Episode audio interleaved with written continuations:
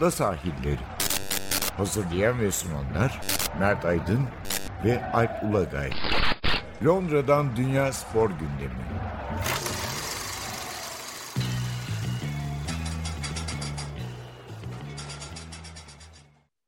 Uzun bir aradan sonra ada sahillerinden merhabalar. Ben Alp Ulagay. Ben Mert Aydın. Bir ara verdik, doğrudur. Biraz böyle bir ufak dinlenme yapmamız gerekiyordu. Biraz tazelenmemiz, bazı spor dışı işler birikmişti ama onları hallettik. Biraz okuma, yenilenme dönemi herhalde. Ama bu arada neredeyse kraliyet yıkılıyordu İngiltere'de. ya biz buraya geldiğimizden beri zaten bak Brexit, pandemi, bir de yani kraliyet ailesinden biri ölüyor bir cumhuriyete falan geçirirse tamam diyeceğim. Bizde yani mesele. Gitti karıştırıyoruz ortalığı. Zaten biliyorsun bugünkü konumuzda Meghan Markle'ın açıklamaları falan diyormuş. Tabii onu zaten tarzı değiştirdik artık. Ada deyince ada sosyetesi. Kraliyet, Buckingham'dan aldığımız, oradaki bulduğumuz muhbirimiz tabii bize çok yardım ediyor son günlerde. Şaka şaka tabii. Biz yine sporda kalacağız ama bir parça formatı şöyle değiştiriyoruz. E, elbette Premier Lig arada mutlaka konuşacağız ama böyle hani maç maç konuşmak yerine biraz tema seçip temalar üzerinde yani güncel temaları biraz da belki tarihi perspektifiyle değerlendirmek üzerine konuşacağız. Bugün iki şey seçtik. Birincisi bu seyircisizlik hem olimpiyat hem Avrupa Futbol Şampiyonası. Bu iş nasıl olacak? Tamamen seyircisiz mi olur? Spordaki durum ne gerçekten yani sporcular açısından? Bir ona bakacağız. İkinci bölümde de herhalde biraz Pep Guardiola ve Manchester City konuşacağız. Gerçekten acayip bir sezon geçiyor. Daha da acayip olabilir yani. Sonuç itibariyle olmadı. Ama dört kupaya doğru giden bir City var. İstiyorsan önce bu seyirci meselesiyle girelim. Çünkü evet. geçen yılda evet. bu yıl ertelenen iki büyük turnuva var. Yani bir olimpiyatlar var. Çoklu spor. Bir de Euro 2020 var. Avrupa Futbol Şampiyonası. Yani ikisinde de seyirci konusunda bir belirsizlik var ama en son geçen hafta bir ön haberi gelmişti. Bu hafta kesinleşti ki Japonya eğer olimpiyatlar olursa ülke dışından seyirci almayacak. Böyle bir evet. konusu. Yani ülke içinden de alıp almayacağı herhalde daha sonra belli olacak. Herhalde ya ben evet. bir ay içinde mesela Nisan sonu, Mayıs başı da onun belli olacağını tam. Zaten herhalde bir ay içinde olimpiyat olacak mı olmayacak mı onu da öğreneceğiz. Çünkü eğer böyle bir şey ertelenecekse bu 15 Tabii. Haziran'da olmaz yani. Bunu hani Nisan Tabii. sonu falan. Ya, yani açıkçası e, gerçekten şu anda pandemi herkesi çok etkiledi ama bu e, olimpiyat işi şundan olimpiyat işi önemli. Ee, hani Avrupa Futbol Şampiyonası bir daha ertelenirse tamam çok üzücü olur ama hani bu futbolcular her e, seneye Dünya Kupası'nda oynayarak bunu e, şey yapabilirler. Ne derler? E, bu sorunu çözebilirler. Bu hayal kırıklığını atlatabilirler. E, işte Şampiyonlar Ligi var her sene. Yani futbolcular için bunu telafi etmek daha kolay. Ama e, sporcular için, diğer sporcular için olimpik sporcular için olimpiyatın iptal edilmesi demek birçoğunun zaten kariyerinin bitmesi demek. Yani birçok sporcunun öyle bir durumda e, sporu bırakma ihtimali de yüksek olur. Yani bazı spor dallarında bu işte birincisi evet. erkek futbol. Evet. Bazı spor dallarının zirve turnuvası olimpiyat değil. Mesela tenis, profesyonel tenis. Teni, tenis, tenis, evet. Yol bisikleti mesela. Profesyonel yol bisikleti. Basket, ee, profesyonel basketbol. Erkek, Özellikle erkek NBA basketbol için, için. E, erkek basketbol için söyleyebiliriz. O da NBA'in başka bir yeri var. Golf zaten şu an olimpiyatta yok değil mi? Mesela işte rugby, golf. Onların başka zirve turnuvaları var ama işte atletizm, yüzme, pist bisikleti, jimnastik, jimnastik. kürek, masa güreş, tenisi, boks. güreş, boks e, yani hepsi için değil mi? Bir Halter, dört, hepsi. Dört yıl hazırlandığınız göstereceğiniz bir yer olimpiyatlar. Olmadı mı hani bir tabii kariyer hedefi o. Yani onun yarattığı hayal kırıklığı. İkincisi bugün birçok profesyonel sporcunun sözleşmeleri, sponsorluk sözleşmeleri bu olimpiyata katılmasına, oradaki başarısına evet. bağlı. Tek tek bunun araştırması herhalde yapılıyordur ya da yapılır. Ne kadar büyük kayıplar olacağını kestiremiyorum. Bayağı ciddi kayıplar söz konusudur. Yüzde yüz, yüzde yüz. Yani e, hem maddi kayıplar olur hem de manevi olarak e, çok büyük sıkıntılar yaşanır. E şunu düşün işte bazı her spor dalının yaş e, sınırı farklı. Yani bazı sporlarda daha fazla 28-30 yaş üstü sporcu görüyoruz. Bazılarında bazı sporlarda bu 23-24'ün üstüne çıkmayabiliyor. E, e, o yaş gruplarında olan ve bu olimpiyatla birlikte hani kariyerini son taçlandırmak isteyen sporcular var. E, olmazsa e, hani bundan sonra bir, bir sene daha yarışmak ya da iki sene daha yarışmak onlar için çok anlamlı olmayacak. Sporu bırakacaklar. Ya bir sene bile ya, fark edebilir. Yani spor öyle tabii. bir alan ki zaten hani birkaç dal dışında mesela yani sporun sporculuğu üst düzey sporculuğun ömrü kaç yıldır? 8-10 yıl. Yani bir yıl bile çok feder çünkü arka alttan hep gelen var. Bütün spor dallarında böyle yani 2020'de çok iyisinizdir ama aradan bir yıl geçtiğinizde belki size çok rakip olacak başka bir isim e, formunun zirvesine ulaşır ve bir yıl önceki fırsatı bulamayabilirsiniz. Bu bile fark edecektir. Tabii bir de bu seyircilik meselesi. Şimdi e, spor bir şekilde dönmeyi başardı. Yani spor müsabakalarının bir kısmı hı hı. aksamalı da olsa az seyircili, seyircisiz Haziran'dan beri izliyoruz. Özellikle futbolu konuşursak yani kısmen seyircili bazı maçlar oynandı Almanya'da falan ama orada da geri alındı. E, bir şekilde devam ediyor. Çünkü başta futbol olmak üzere sporun şu şansı var. Hani ben 60 yıllık diyorum. Böyle 1960 Roma Olimpiyatlarını alıyorum. E, müthiş bir yayın tecrübesi var spor dünyasının. Doğru. Böyle bir şansı var. Yani başka gösteri alanlarında bu şans olmayabilir. Mesela tiyatroda, operada, hatta müzikte. Yani özel ayarlanmış evet bazı konserler, temsiller çekiliyor ama sporda şu alışkanlık var yani. Her maç her müsabaka çekiliyor. Yani evet. Olimpiyatta artık gelinen noktayı düşünün. Öyle Doğru. Siz istediğiniz herhangi bir anı saniye olimpiyatta Tabii. Ek- ekrana yansıtabilirsiniz. Hepsi yani, prodüksiyonu yapılıyor. Tabii es geçmişte sadece işte e, televizyon kanalı ne veriyorsa onu izlemek zorundaydınız. E şimdi hatırlarsan son işte Rio'da da Londra'da da bir yandan bir kanaldan birini izliyorsun öbür tarafta işte laptoptan olimpiyat komitesinin kanalından başka bir müsabaka izleyebiliyorsun. Ee, başka bir ülkenin yayıncı kuruluşundan e, internet sitesi üzerinden verdiği bir şey. Yani o kadar çok alternatifler YouTube üzerinden yayınlar yapılıyor. Her şeyi izleyebiliyorsun. Bu çok çok önemli. Yani bir şekilde tabii oradaki sıkıntı şu. Yani e, sporcunun, futbolcunun da, diğer sporcuların da e, burada hani o zaferlerini paylaşmak istedikleri seyircilerin olması çok önemli bir şey modern sporun, profesyonel sporun temelleri işte 19. yüzyılda atıldı. Eğer buraya tabii önce televizyon falan yok, radyo bile yok. Düşün. Hani İngiltere'deki ikimiz de bir sürü kitap okumuşuzdur e, bununla ilgili. Hani önce insanlar statlara, tesislere gidip izliyorlar. Hani yayın Tabii. falan yok. Ama böyle bir ilgi olmasaydı zaten spor böyle bir sosyal vaka olmazdı. Hani insanlar %100. izlemeye gitmeselerdi 100 yıl önce 40 bin kişi, 50 bin, 100 bin kişi bu hale gelmezdi. Bunun sebebi tabii bunun izleyicisinin de olması. Aynen. Aynen. Burada arada şeye gireceğim. Hani bizde çok klasiktir. Ee, mesela futbolla çok ilgisi olmayan, futbolu çok sevmeyen insanlar şey der ki kardeşim bu kadar bu paralar niye bu adamlara veriliyor? Ne yapıyorlar ki top teptikleri için? Verilir mi diye. Ama asıl mesele insanların bu futbol, futbol oyuna ilgisi. İnsanlar bu oyuna ilgi duyduğu için tüm dünyada futbolcuların kazandığı paralar da bu seviyede zaten. Yani o ilgi yaratıldığı için de senin de söylediğin gibi e, yayıncılıkta da çok çok önemli bir şey. Yani e, bu diğer e, popüler sporlar için de geçerli. Olimpiyatlar, Dünya Kupaları, Avrupa Şampiyonası gibi önemli organizasyonlar için de geçerli. Seyircilerin en azından hele bir de e, televizyon teknolojisinin artmasıyla birlikte insanlar yayın kalitesinin de artmasıyla birlikte bazen neredeyse hani o görüntü e, şeyiyle birlikte kalitesiyle birlikte kendi statta gibi hissedebilir de o şekilde bir durum da var ama e, sporcu için her şeye rağmen seyircisizlik bence bir sıkıntı. Çünkü oynarken motive olması gerekiyor. Hatta bazıları hep şey der yani gerekirse sadece rakip takım taraftarı da olabilir yani. Sonuçta yeter ki o motivasyonu sağlayabileyim der. E, o anlamda tabii ki büyük bir sıkıntı var. E, tabii bir de üst düzey sporcular yıllar içinde buna göre yetiştirmişler kendilerini. Yani nasıl işte hani futbolu düşünelim.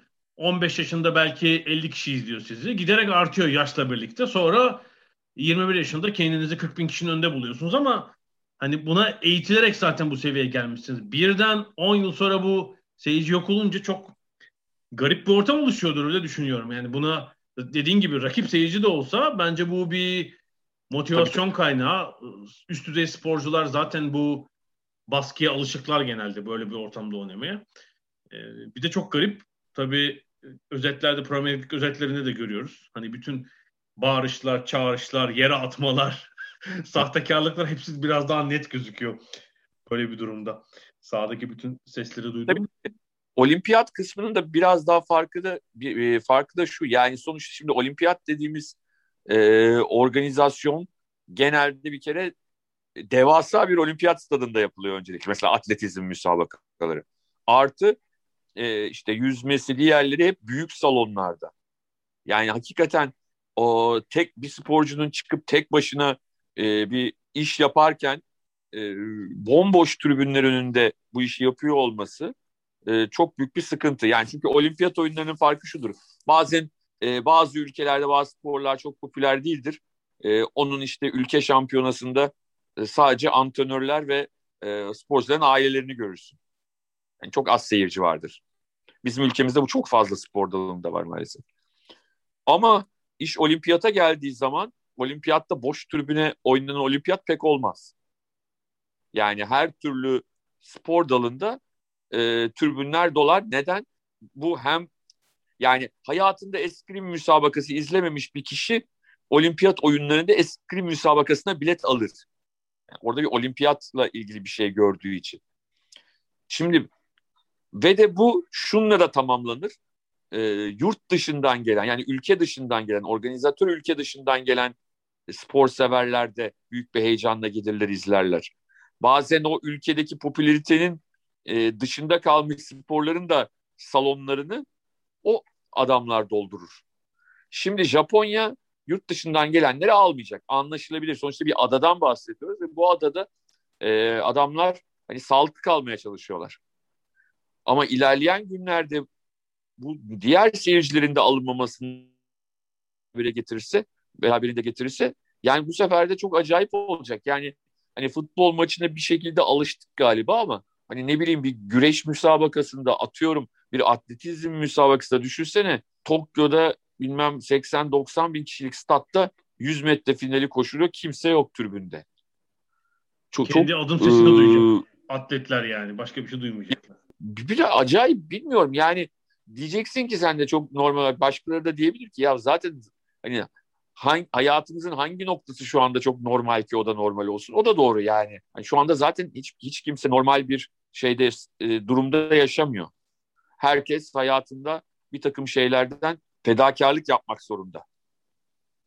Yani bir yıldır biz ikimiz birbirimize yarım saat uzaklıkta e, şey 20 dakika uzaklıkta olmamıza rağmen birbirimizi görmüyoruz. Aman şey yapmayalım, orada burada korona kapmayalım diye.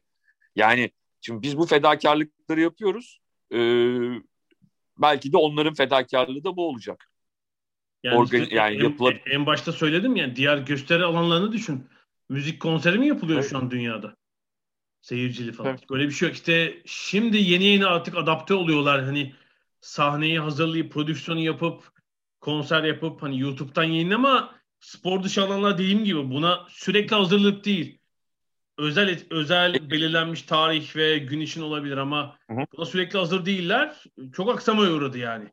Sporun müthiş bir tecrübesi var bu konuda yani. Ya geçen yıl hatırla şeyde tam böyle İtalya'da her yer e, kapandı. insanlar böyle korku filmi gibiydi hatırlasana. Oturduk seyrediyoruz İtalya'da ne oluyor ne bitiyor diye.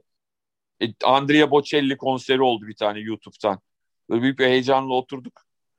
Bilgisayarlar açıldı YouTube'dan. Yani 10 dakikalık bir konserdi, 10-15 dakikalık bir konserdi. Büyük bir heyecan e, yaratmıştı 10-15 dakikalık bir konserin YouTube'dan yayını. Yani senin söylediğin gibi orada işler biraz daha karışık ama futbol biraz daha önce toparladı.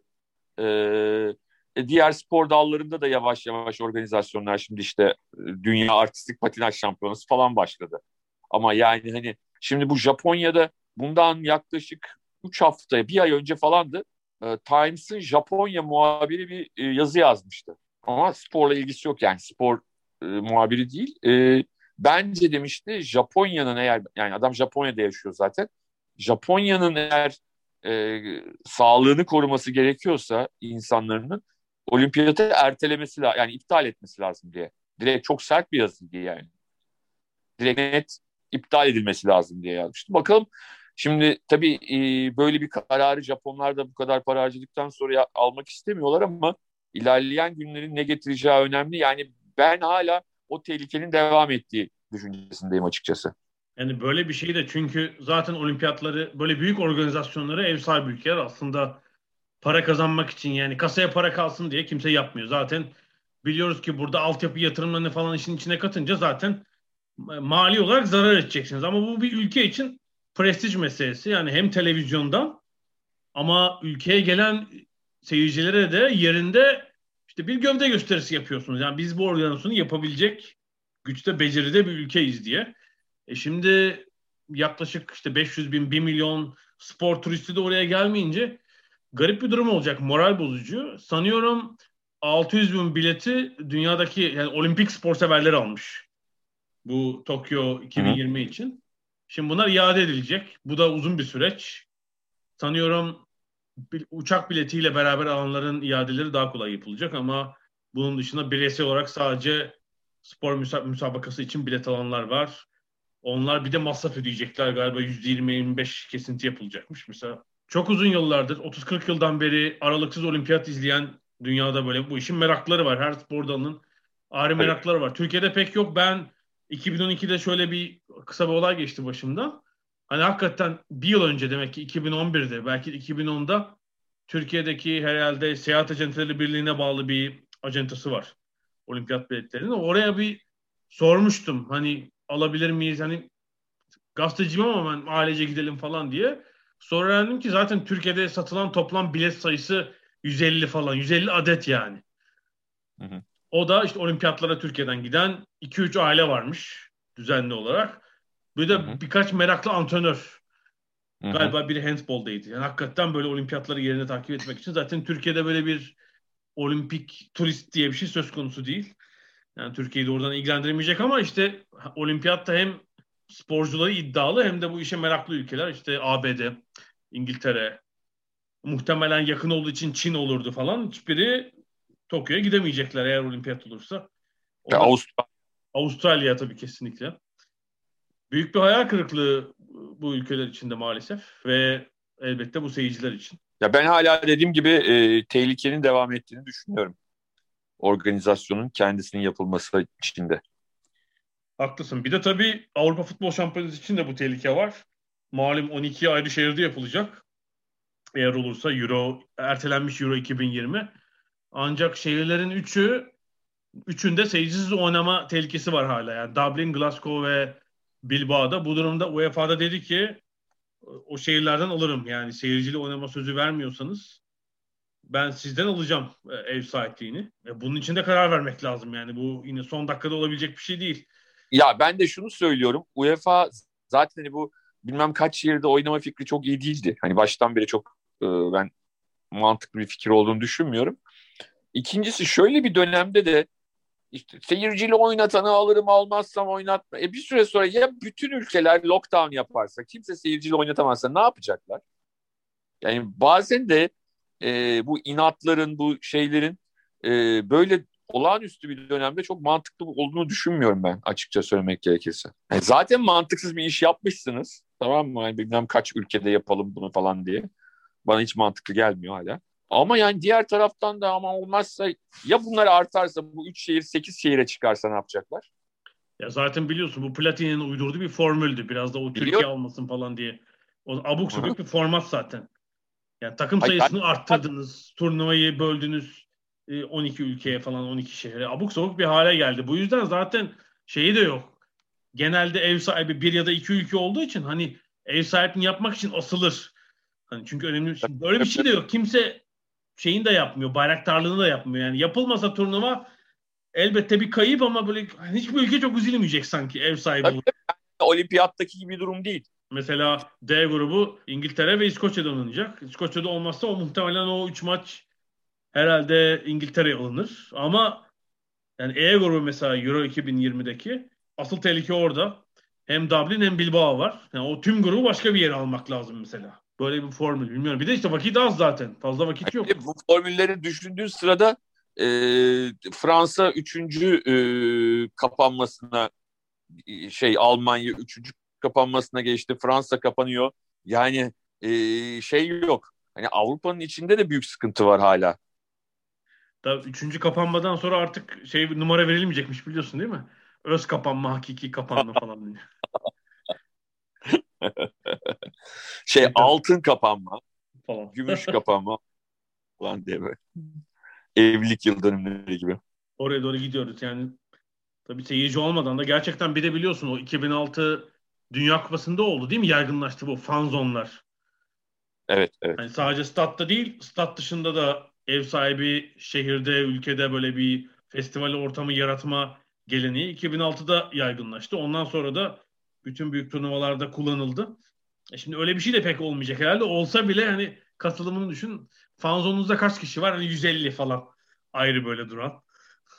Seçme. E, siz fanzona gelmiştiniz. E, fanzona gelmemiştim. Parti kongresine gelmiştim. Buyurun o zaman siz geçebilirsiniz falan diye olabilir.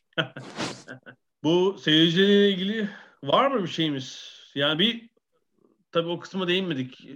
Çok belki sporcular e, hani ne hissediyorlar seyircisiz ortamda çok ya memnun değillerdir. Şimdi Şimdi yüzde yüz haklısın ama bence şu anda sporcular daha henüz onu düşünmüyordur. Bence sporcular seyirciden önce kendileri gidip gidemeyecek onu düşünüyorlardır. Yani çünkü onların da e, mutlaka olacakmış gibi çalışıyorlar ama kafalarında o korku vardır hala bence. E bir de sporcuların yaş grubu düşük. Herhalde çok az sayıda sporcu dünyada aşıya ulaşabildi, erişebildi. Belki İsrail'de falan vardır. Tabii. E, Uluslararası Olimpiyat Komitesi Çin'den aşı alıyor şimdi. Olimpiyata katılacak sporcular için ki sadece sporcular da değil tabii. Oradaki antrenörleri, hakemleri falan da aşılamak evet. lazım belki. Böyle bir durum söz konusu olacak. Yani daha bir sürü şey çalışan grubu var. Hani malzemeci, şeyci, ne derler, masör, doktor. Yani spor kafileleri e, şey gitmiyor ki oraya. Yani sadece sporcu antrenör olarak gitmiyorlar yani. Çok çok fazla yanlarında birileriyle beraber gidiyorlar. Öyle kolay olmayacak bu operasyon gerçekten. Peki bu seyirci krizi sporun bundan nasıl baş edebildiği kısmını kapatıyoruz. Bir ara vereceğiz. Aradan sonra biraz Pep Guardiola ve Manchester City konuşacağız.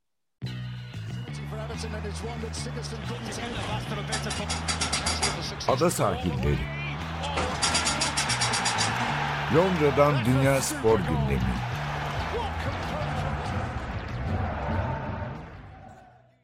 Ada sahillerine devam ediyoruz. Biraz, biraz daha Pep Guardiola ve Manchester City konuşalım. Yani bundan herhalde 3-4 önce şöyle şöyle konuşuyorduk ve düşünüyorduk. Yani bu sezon Avrupa ligleri çekişmeli ama herhalde en çekişmelisi hele şampiyonluk mücadelesi Premier Lig'de olur. Son haftaya kadar takımlar mücadele edecek. 3-4 takım belki son haftaya kafa, kafa son haftalara kadar kafa kafaya girer derken yani Mart ortasında matematiksel olarak elbette değil ama mantıksal olarak şampiyon belli gibi Premier Lig'de. Neredeyse geçen seneki gibi bir durum oldu ve haftalardır hatta yılın başından beri pek puan kaybetmeyen Manchester City biraz da rakiplerinin savurganlığıyla işi çözdü bile ve işte bu milli maç arasına maç fazlası ve 14 puanlık bir avantajla giriyorlar. Üstelik sadece Premier Lig değil, diğer oldukları bütün turnuvalarda da iddialılar. Yani lig kupasında final oynayacaklar Tottenham'la. İngiltere Federasyon Kupası'nda yarı finale kaldılar. Ve Şampiyonlar Ligi'nde de çeyrek finaldeler. Yani acayip bir yolda gidiyorlar. Yani Ekim ayında Pep Guardiola şöyle eleştiriliyordu. Özellikle İngiltere'de. Ya artık galiba olmuyor bu iş. Yani bu takımı hazırlayamıyor, motive edemiyor. Galiba biraz çaptan düştü mü ne yani bir düşünmek lazım takımdaki durumunu diyorduk. Yani ben demiyordum da şey öyleydi biraz. İngiltere'deki tavır öyleydi. Aradan 6 ay geçmedi. Yine bir genius. genius Pep'le karşı karşıyayız. Yani söylemek lazım ki son 20 yıla en fazla dam, damgasını vuran antrenör. Tabii çok iyi takımlarda çalıştı. Bunun avantajı var. Barcelona, Bayern Münih ve Manchester City iyi kadrolarla çalıştı. Doğru ama aldığı sonuçlar ve oynattığı futbolda her zaman farklı. Bu sene gelecek lig şampiyonluğu da şöyle bir şey katacak. 3 ayrı ülkede 3 herkes lig şampiyonu olmuş olacak. Pek herhalde eşi olmayan bir durumdur. Ama ben de bence ondan da önemlisi bu sene bu zor şartlarda Covid-19 takvimin çok daha yoğun olması, sıkı bir takvim olması buna kendini bir şekilde ayarlaması oldu. Şunu ya şunu fark etti belki Ekim Kasım aylarında yani çok iyi oynamıyoruz. Bir küçük ayarlama yapmak lazım. Ne yapmak lazım? Belki bir, biraz daha tempoyu düşürüp tempoyu düşürüp nasıl çok iyi bir kadroya sahibiz. Buna göre zaman zaman işte topun arkasına da geçebiliriz. Ama ilerideki alıştığımız her zamanki baskıyı her maçta yapmayalım. Böyle bir strateji tercih etti ve gerçekten belki de sezon başında en büyük yıldız denebilecek iki oyuncu olmadan çok rahat liderlik koltuğundalar. Yani Agüero neredeyse hiç oynamadı bu sezon. Kevin De Bruyne de birkaç aydır çok katkı vermiyor açıkçası. Onsuz belki daha da iyi oynuyorlar hatta böyle bir tartışma bile var. Dediğin gibi yeni yıldan itibaren özellikle 2021'den e, itibaren e, arkalarına bakmadılar. Ki düşün hani şu anda arkalarındaki yenildiler arada. Yani Manchester United'da da yenildiler.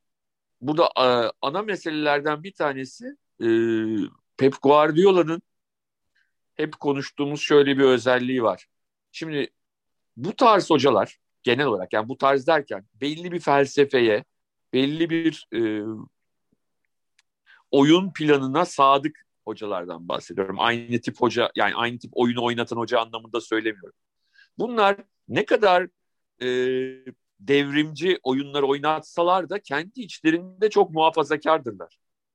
Yani mesela Luis Van Hal falan bunun en şey örneklerinden biridir. Yani iyi futbol oynatmaya çalışıyor olmak size her zaman çok zihni açık bir insan ol, e, olmanızı sağlamaz. Zihni açık bir hoca olmanızı sağlamaz. Bence Guardiola'nın bu tip hocaların hepsinden en önemli farkı hatta e, bu yayını kaydettiğimiz gün ölüm yıl dönümüydü. Hatta bence dünya futbol tarihinin gelmiş geçmiş ne diyeyim en önemli kişisi. E, en önemli futbol adamı tarihi. Johan Cruyff. Yani, e, mentörü diyelim Guardiola'nın. Bence Johan Cruyff da çok tutucu bir teknik adam. Çok bütün o devrimciliğine, bütün o her şeye rağmen aslında kendi içinde o şeyden hiçbir zaman e, ne derler o kendi kafasındaki oyun planını sağa sola oynatmayan bir adamdır. Bambaşka şeyler yapar. Çok e, zihni açıktır tabii ki. İşte başka fikirleri vardır ama mesela Guardiola'nın saha içinde her şeye rağmen e, bunda bence çok önemli bir ülke değiştirmesinin üç ülke ayrı ülkede çalışmasının çok önemli payı var bu konularda senin bahsettiğin şeyleri saha içinde gerekirse yapmayı bir başarıyor artık.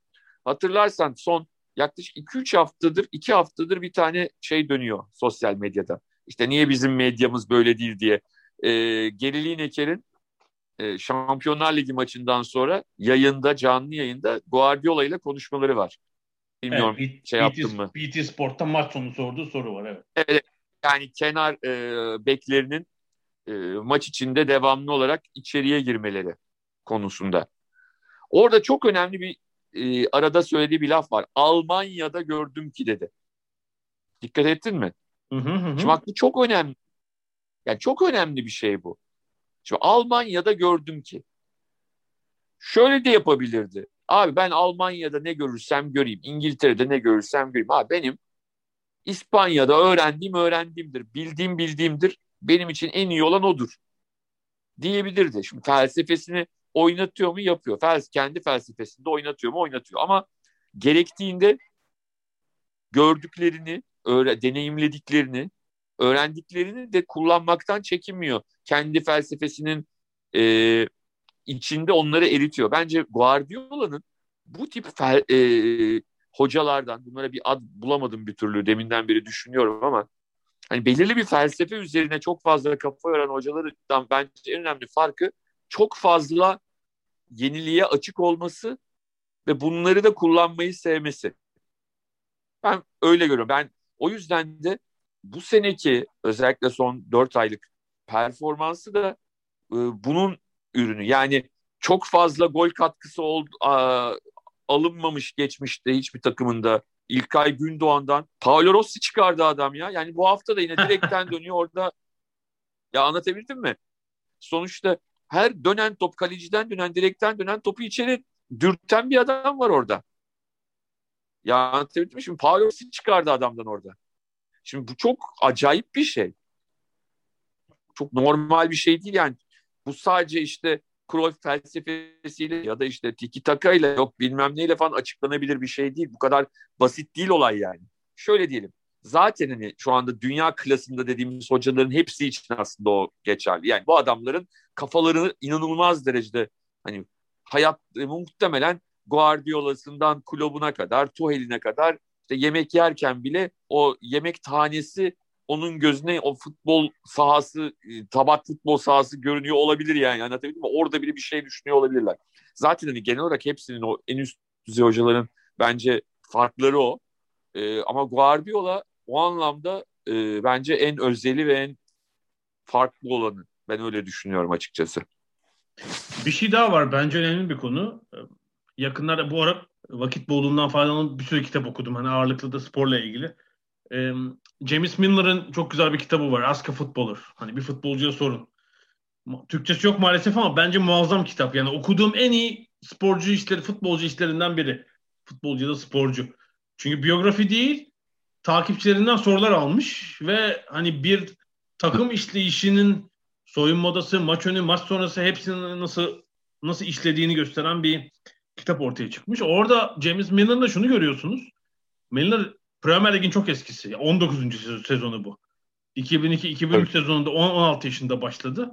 Hala devam ediyor. Hani belki çok uzun önünde uzun yıllar yok ama bu gelişimi, değişimi çok iyi gözleyebilecek birisi. Kitapta da bunu anlatmış. Bence bu futboldaki takım yapısı, antrenörlerin düşünce yapısı falan tamamen değişti işte. Yani ekipler o kadar büyüdü ki artık e, Cruyff'le ilgili dediğin doğru yani. Johan Cruyff'in antrenörlüğü 1900 85 ile 96 arası. Yani başlaması bundan 36 sene önce, evet. bitirmesi de 25 sene önce. Başka bir devir. Yani belki iki yardımcısı vardı ya da yoktu. İşte belki bir kaleci antrenörü. Ama şimdiki bu analiz ekipleri falan hiçbiri yoktu tabii. Cruyff zamanında. Onun farklı işleyen tabii, beyni tabii. vardı ama şimdi müthiş bir destek ekibi var.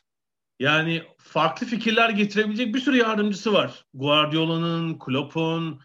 Bence onlardan daha tecrübeli olmasına rağmen daha eski başlamasına rağmen Ancelotti'nin böyle ekipleri var. Yani ben hani bildiğimi okurum. Kimsenin fikrinden faydalanmam. Böyle bir şey zaten bu kuşak antrenörleri için söz konusu değil. Yani bunlar e, çok önemli bir özellikleri var.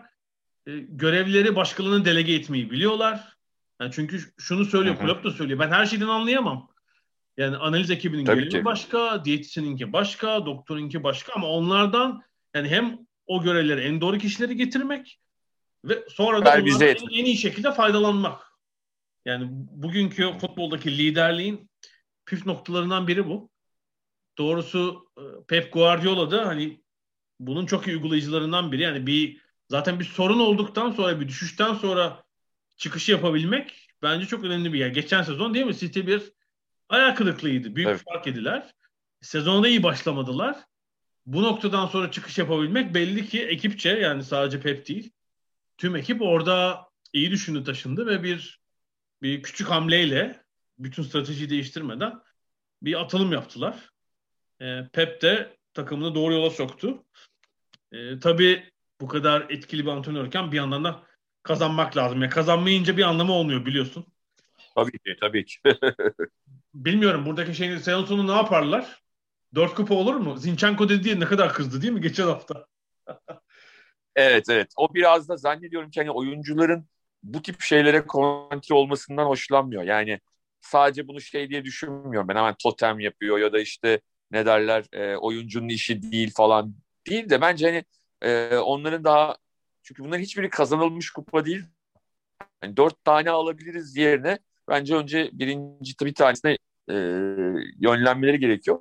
Yani burada şu anda görünen o ki lig şampiyonluğu cepte. Yani futbolda tabii her şey olur. E, ama lig şampiyonluğunu kaybetmeleri için sadece kendilerinin çok kötü olması yetmiyor. Yani rakiplerinin bir kere e, üst üste o maçları kazanması gerekiyor. Mümkün değil. O kısımda sorun yok. Evet diyebilirsin ki lig kupası finali zor olacak. Mourinho'ya karşı olacak. Tam Tottenham çok nefis bir sezon geçirmiyor ama e, yine diyebilirsin ki sadece tek maç. Yani şu anda o kupayı almaya bir maç uzaktalar. Kazanırlar kazanamazlar ayrı ama bir maç uzaktalar. E, FA Cup iki maç yapacaklar. Yani daha doğrusu bir, önce bir turu geçmeleri lazım. Finale kalmaları e yani lazım. Mesela Chelsea, Leicester City olabilir evet. mesela orada da. Tabii yani çok kolay değil. Şimdi bence asıl ama bu dörtlü içinde en çok kazanmak isteyen lig tabii kazanmak istiyorlar ama bence en çok Pep'in eleştirildiği, kazanamadığı için eleştirildiği şey Şampiyonlar Ligi. Yani bu sene emin ol Pep Pep demeyeyim genel olarak onlar hepsini kazanmak istiyorlardı ama hani e, içinden şey diyor olabilir yani tabii dördünü de kazanalım ama e, hani FA Cup'ı Lig Kupası'nı zaten habire kazanıyorum. Yani Şampiyonlar Ligi ya. Şampiyonlar Ligi çok çok önemli bir durum. Çünkü Şampiyonlar Ligi'ni kazanırsa bir de üstüne üçüncü kez kazanmış bir hoca olacak ve hani hep Barcelona ile babam da kazanır muhabbeti var ya. Ben o zaman şey esprisi yapmıştım. İmza Pep Guardiola'nın oğlu. ee, ya o, o şeyi de üzerinden atmış olacak bence. Bence o yüzden. Bence asıl geçen sezonki hayal kırıklığı Liverpool'a kaptırdıkları şampiyonluk değil bence. Yani çünkü sonuçta Liverpool o kadar açtı ki o 30 yıllık bir şampiyonluk hasreti vardı. Yani bir yerde patlayacaklardı ve en sonunda geçen sene bu oldu. Ama Şampiyonlar Ligi hani hep şunu konuştuk hatırla bizim ada sahillerinde de. Hani Manchester City nereye yüklenecek? Şampiyonlar Ligi'ne. Ha belki pandemi yazın olması o turnuvanın belki sıkıntı yaratmış olabilir. Düzgün yazın olmasa ne olurdu, nasıl olurdu bunu bilmek zor. Yani o maçlar tek maç olmasa, çift maçlı eliminasyon sistemi olsa nasıl yaşanırdı, neler olurdu bunu bilmek zor ama Bayern Münih'in yüzde bir milyon hak ederek o şampiyonluğu kazandığı da ortada. Yani şöyle bir şey olmadı. Ya Manchester City'de çok pisi pisine gitti. Mesela şöyle diyebilirler yani Manchester City hatırla önceki sezon Liverpool'un kazandığı sezon Şampiyonlar Ligi'ni hani Tottenham maçında e, çok acayip elendi yani. Anlatabildim mi? Şimdi yani böyle bir durumda değil. Çok çok kötü bir şekilde ve çok zayıf bir oyunla hatta pandemi öncesinde hatırla Real Madrid önünde iyi sonuç almışlardı. Rövanş maçında çok kötü oynadılar. O ilk maçın hani rahatlığıyla oturu geçtiler falan. O yüzden e, bence Şampiyonlar Ligi ki burada görünen en zor işleri olan yer orası. Çünkü hani bu turu geçmelerinin geçme ihtimalleri yüksek ama sonraki turda olası bir Bayern Münih eşleşmesi var. Çok çok e, kolay evet. olmayacak. Ya zor tarafa düştüler çünkü yani City, Dortmund. Evet. Ya üç büyük favori aynı tarafa düştü açıkçası. Doğru. Diğer taraf bence daha rahat. Yani diğer taraftaki dört takımında aa iyi ya diye ya Porto bile şey der yani bu kurrayla.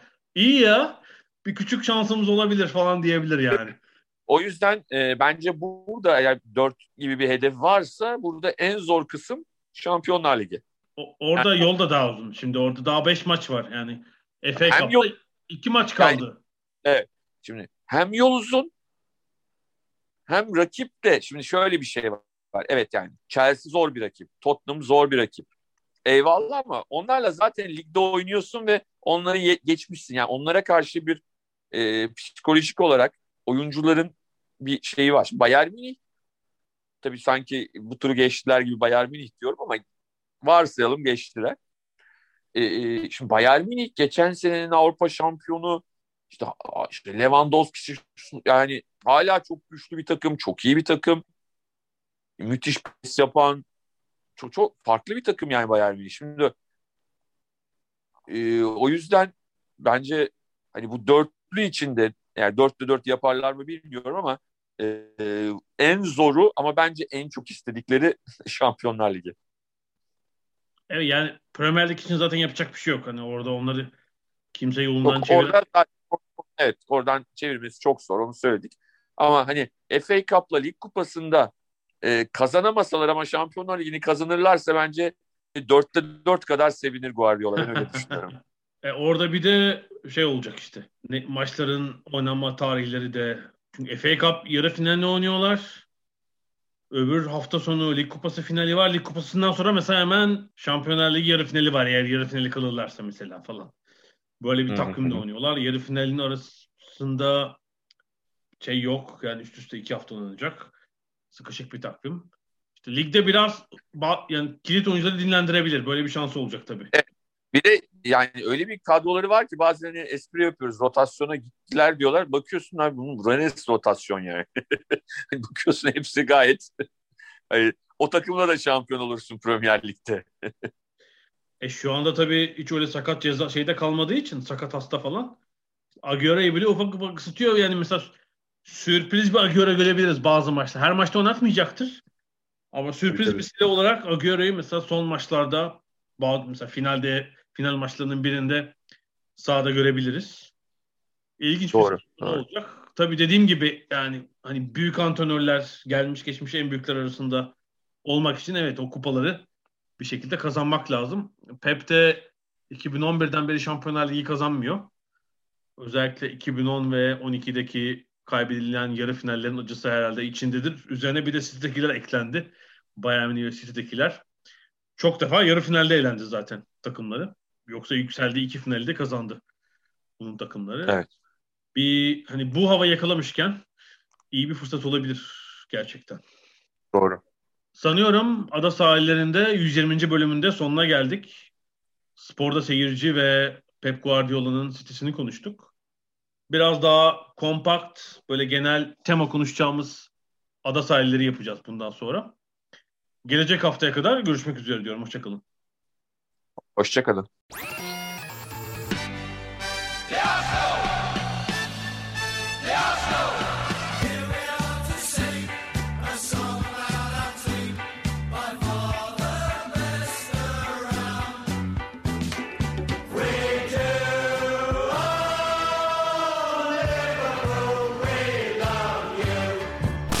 Ada sahilleri.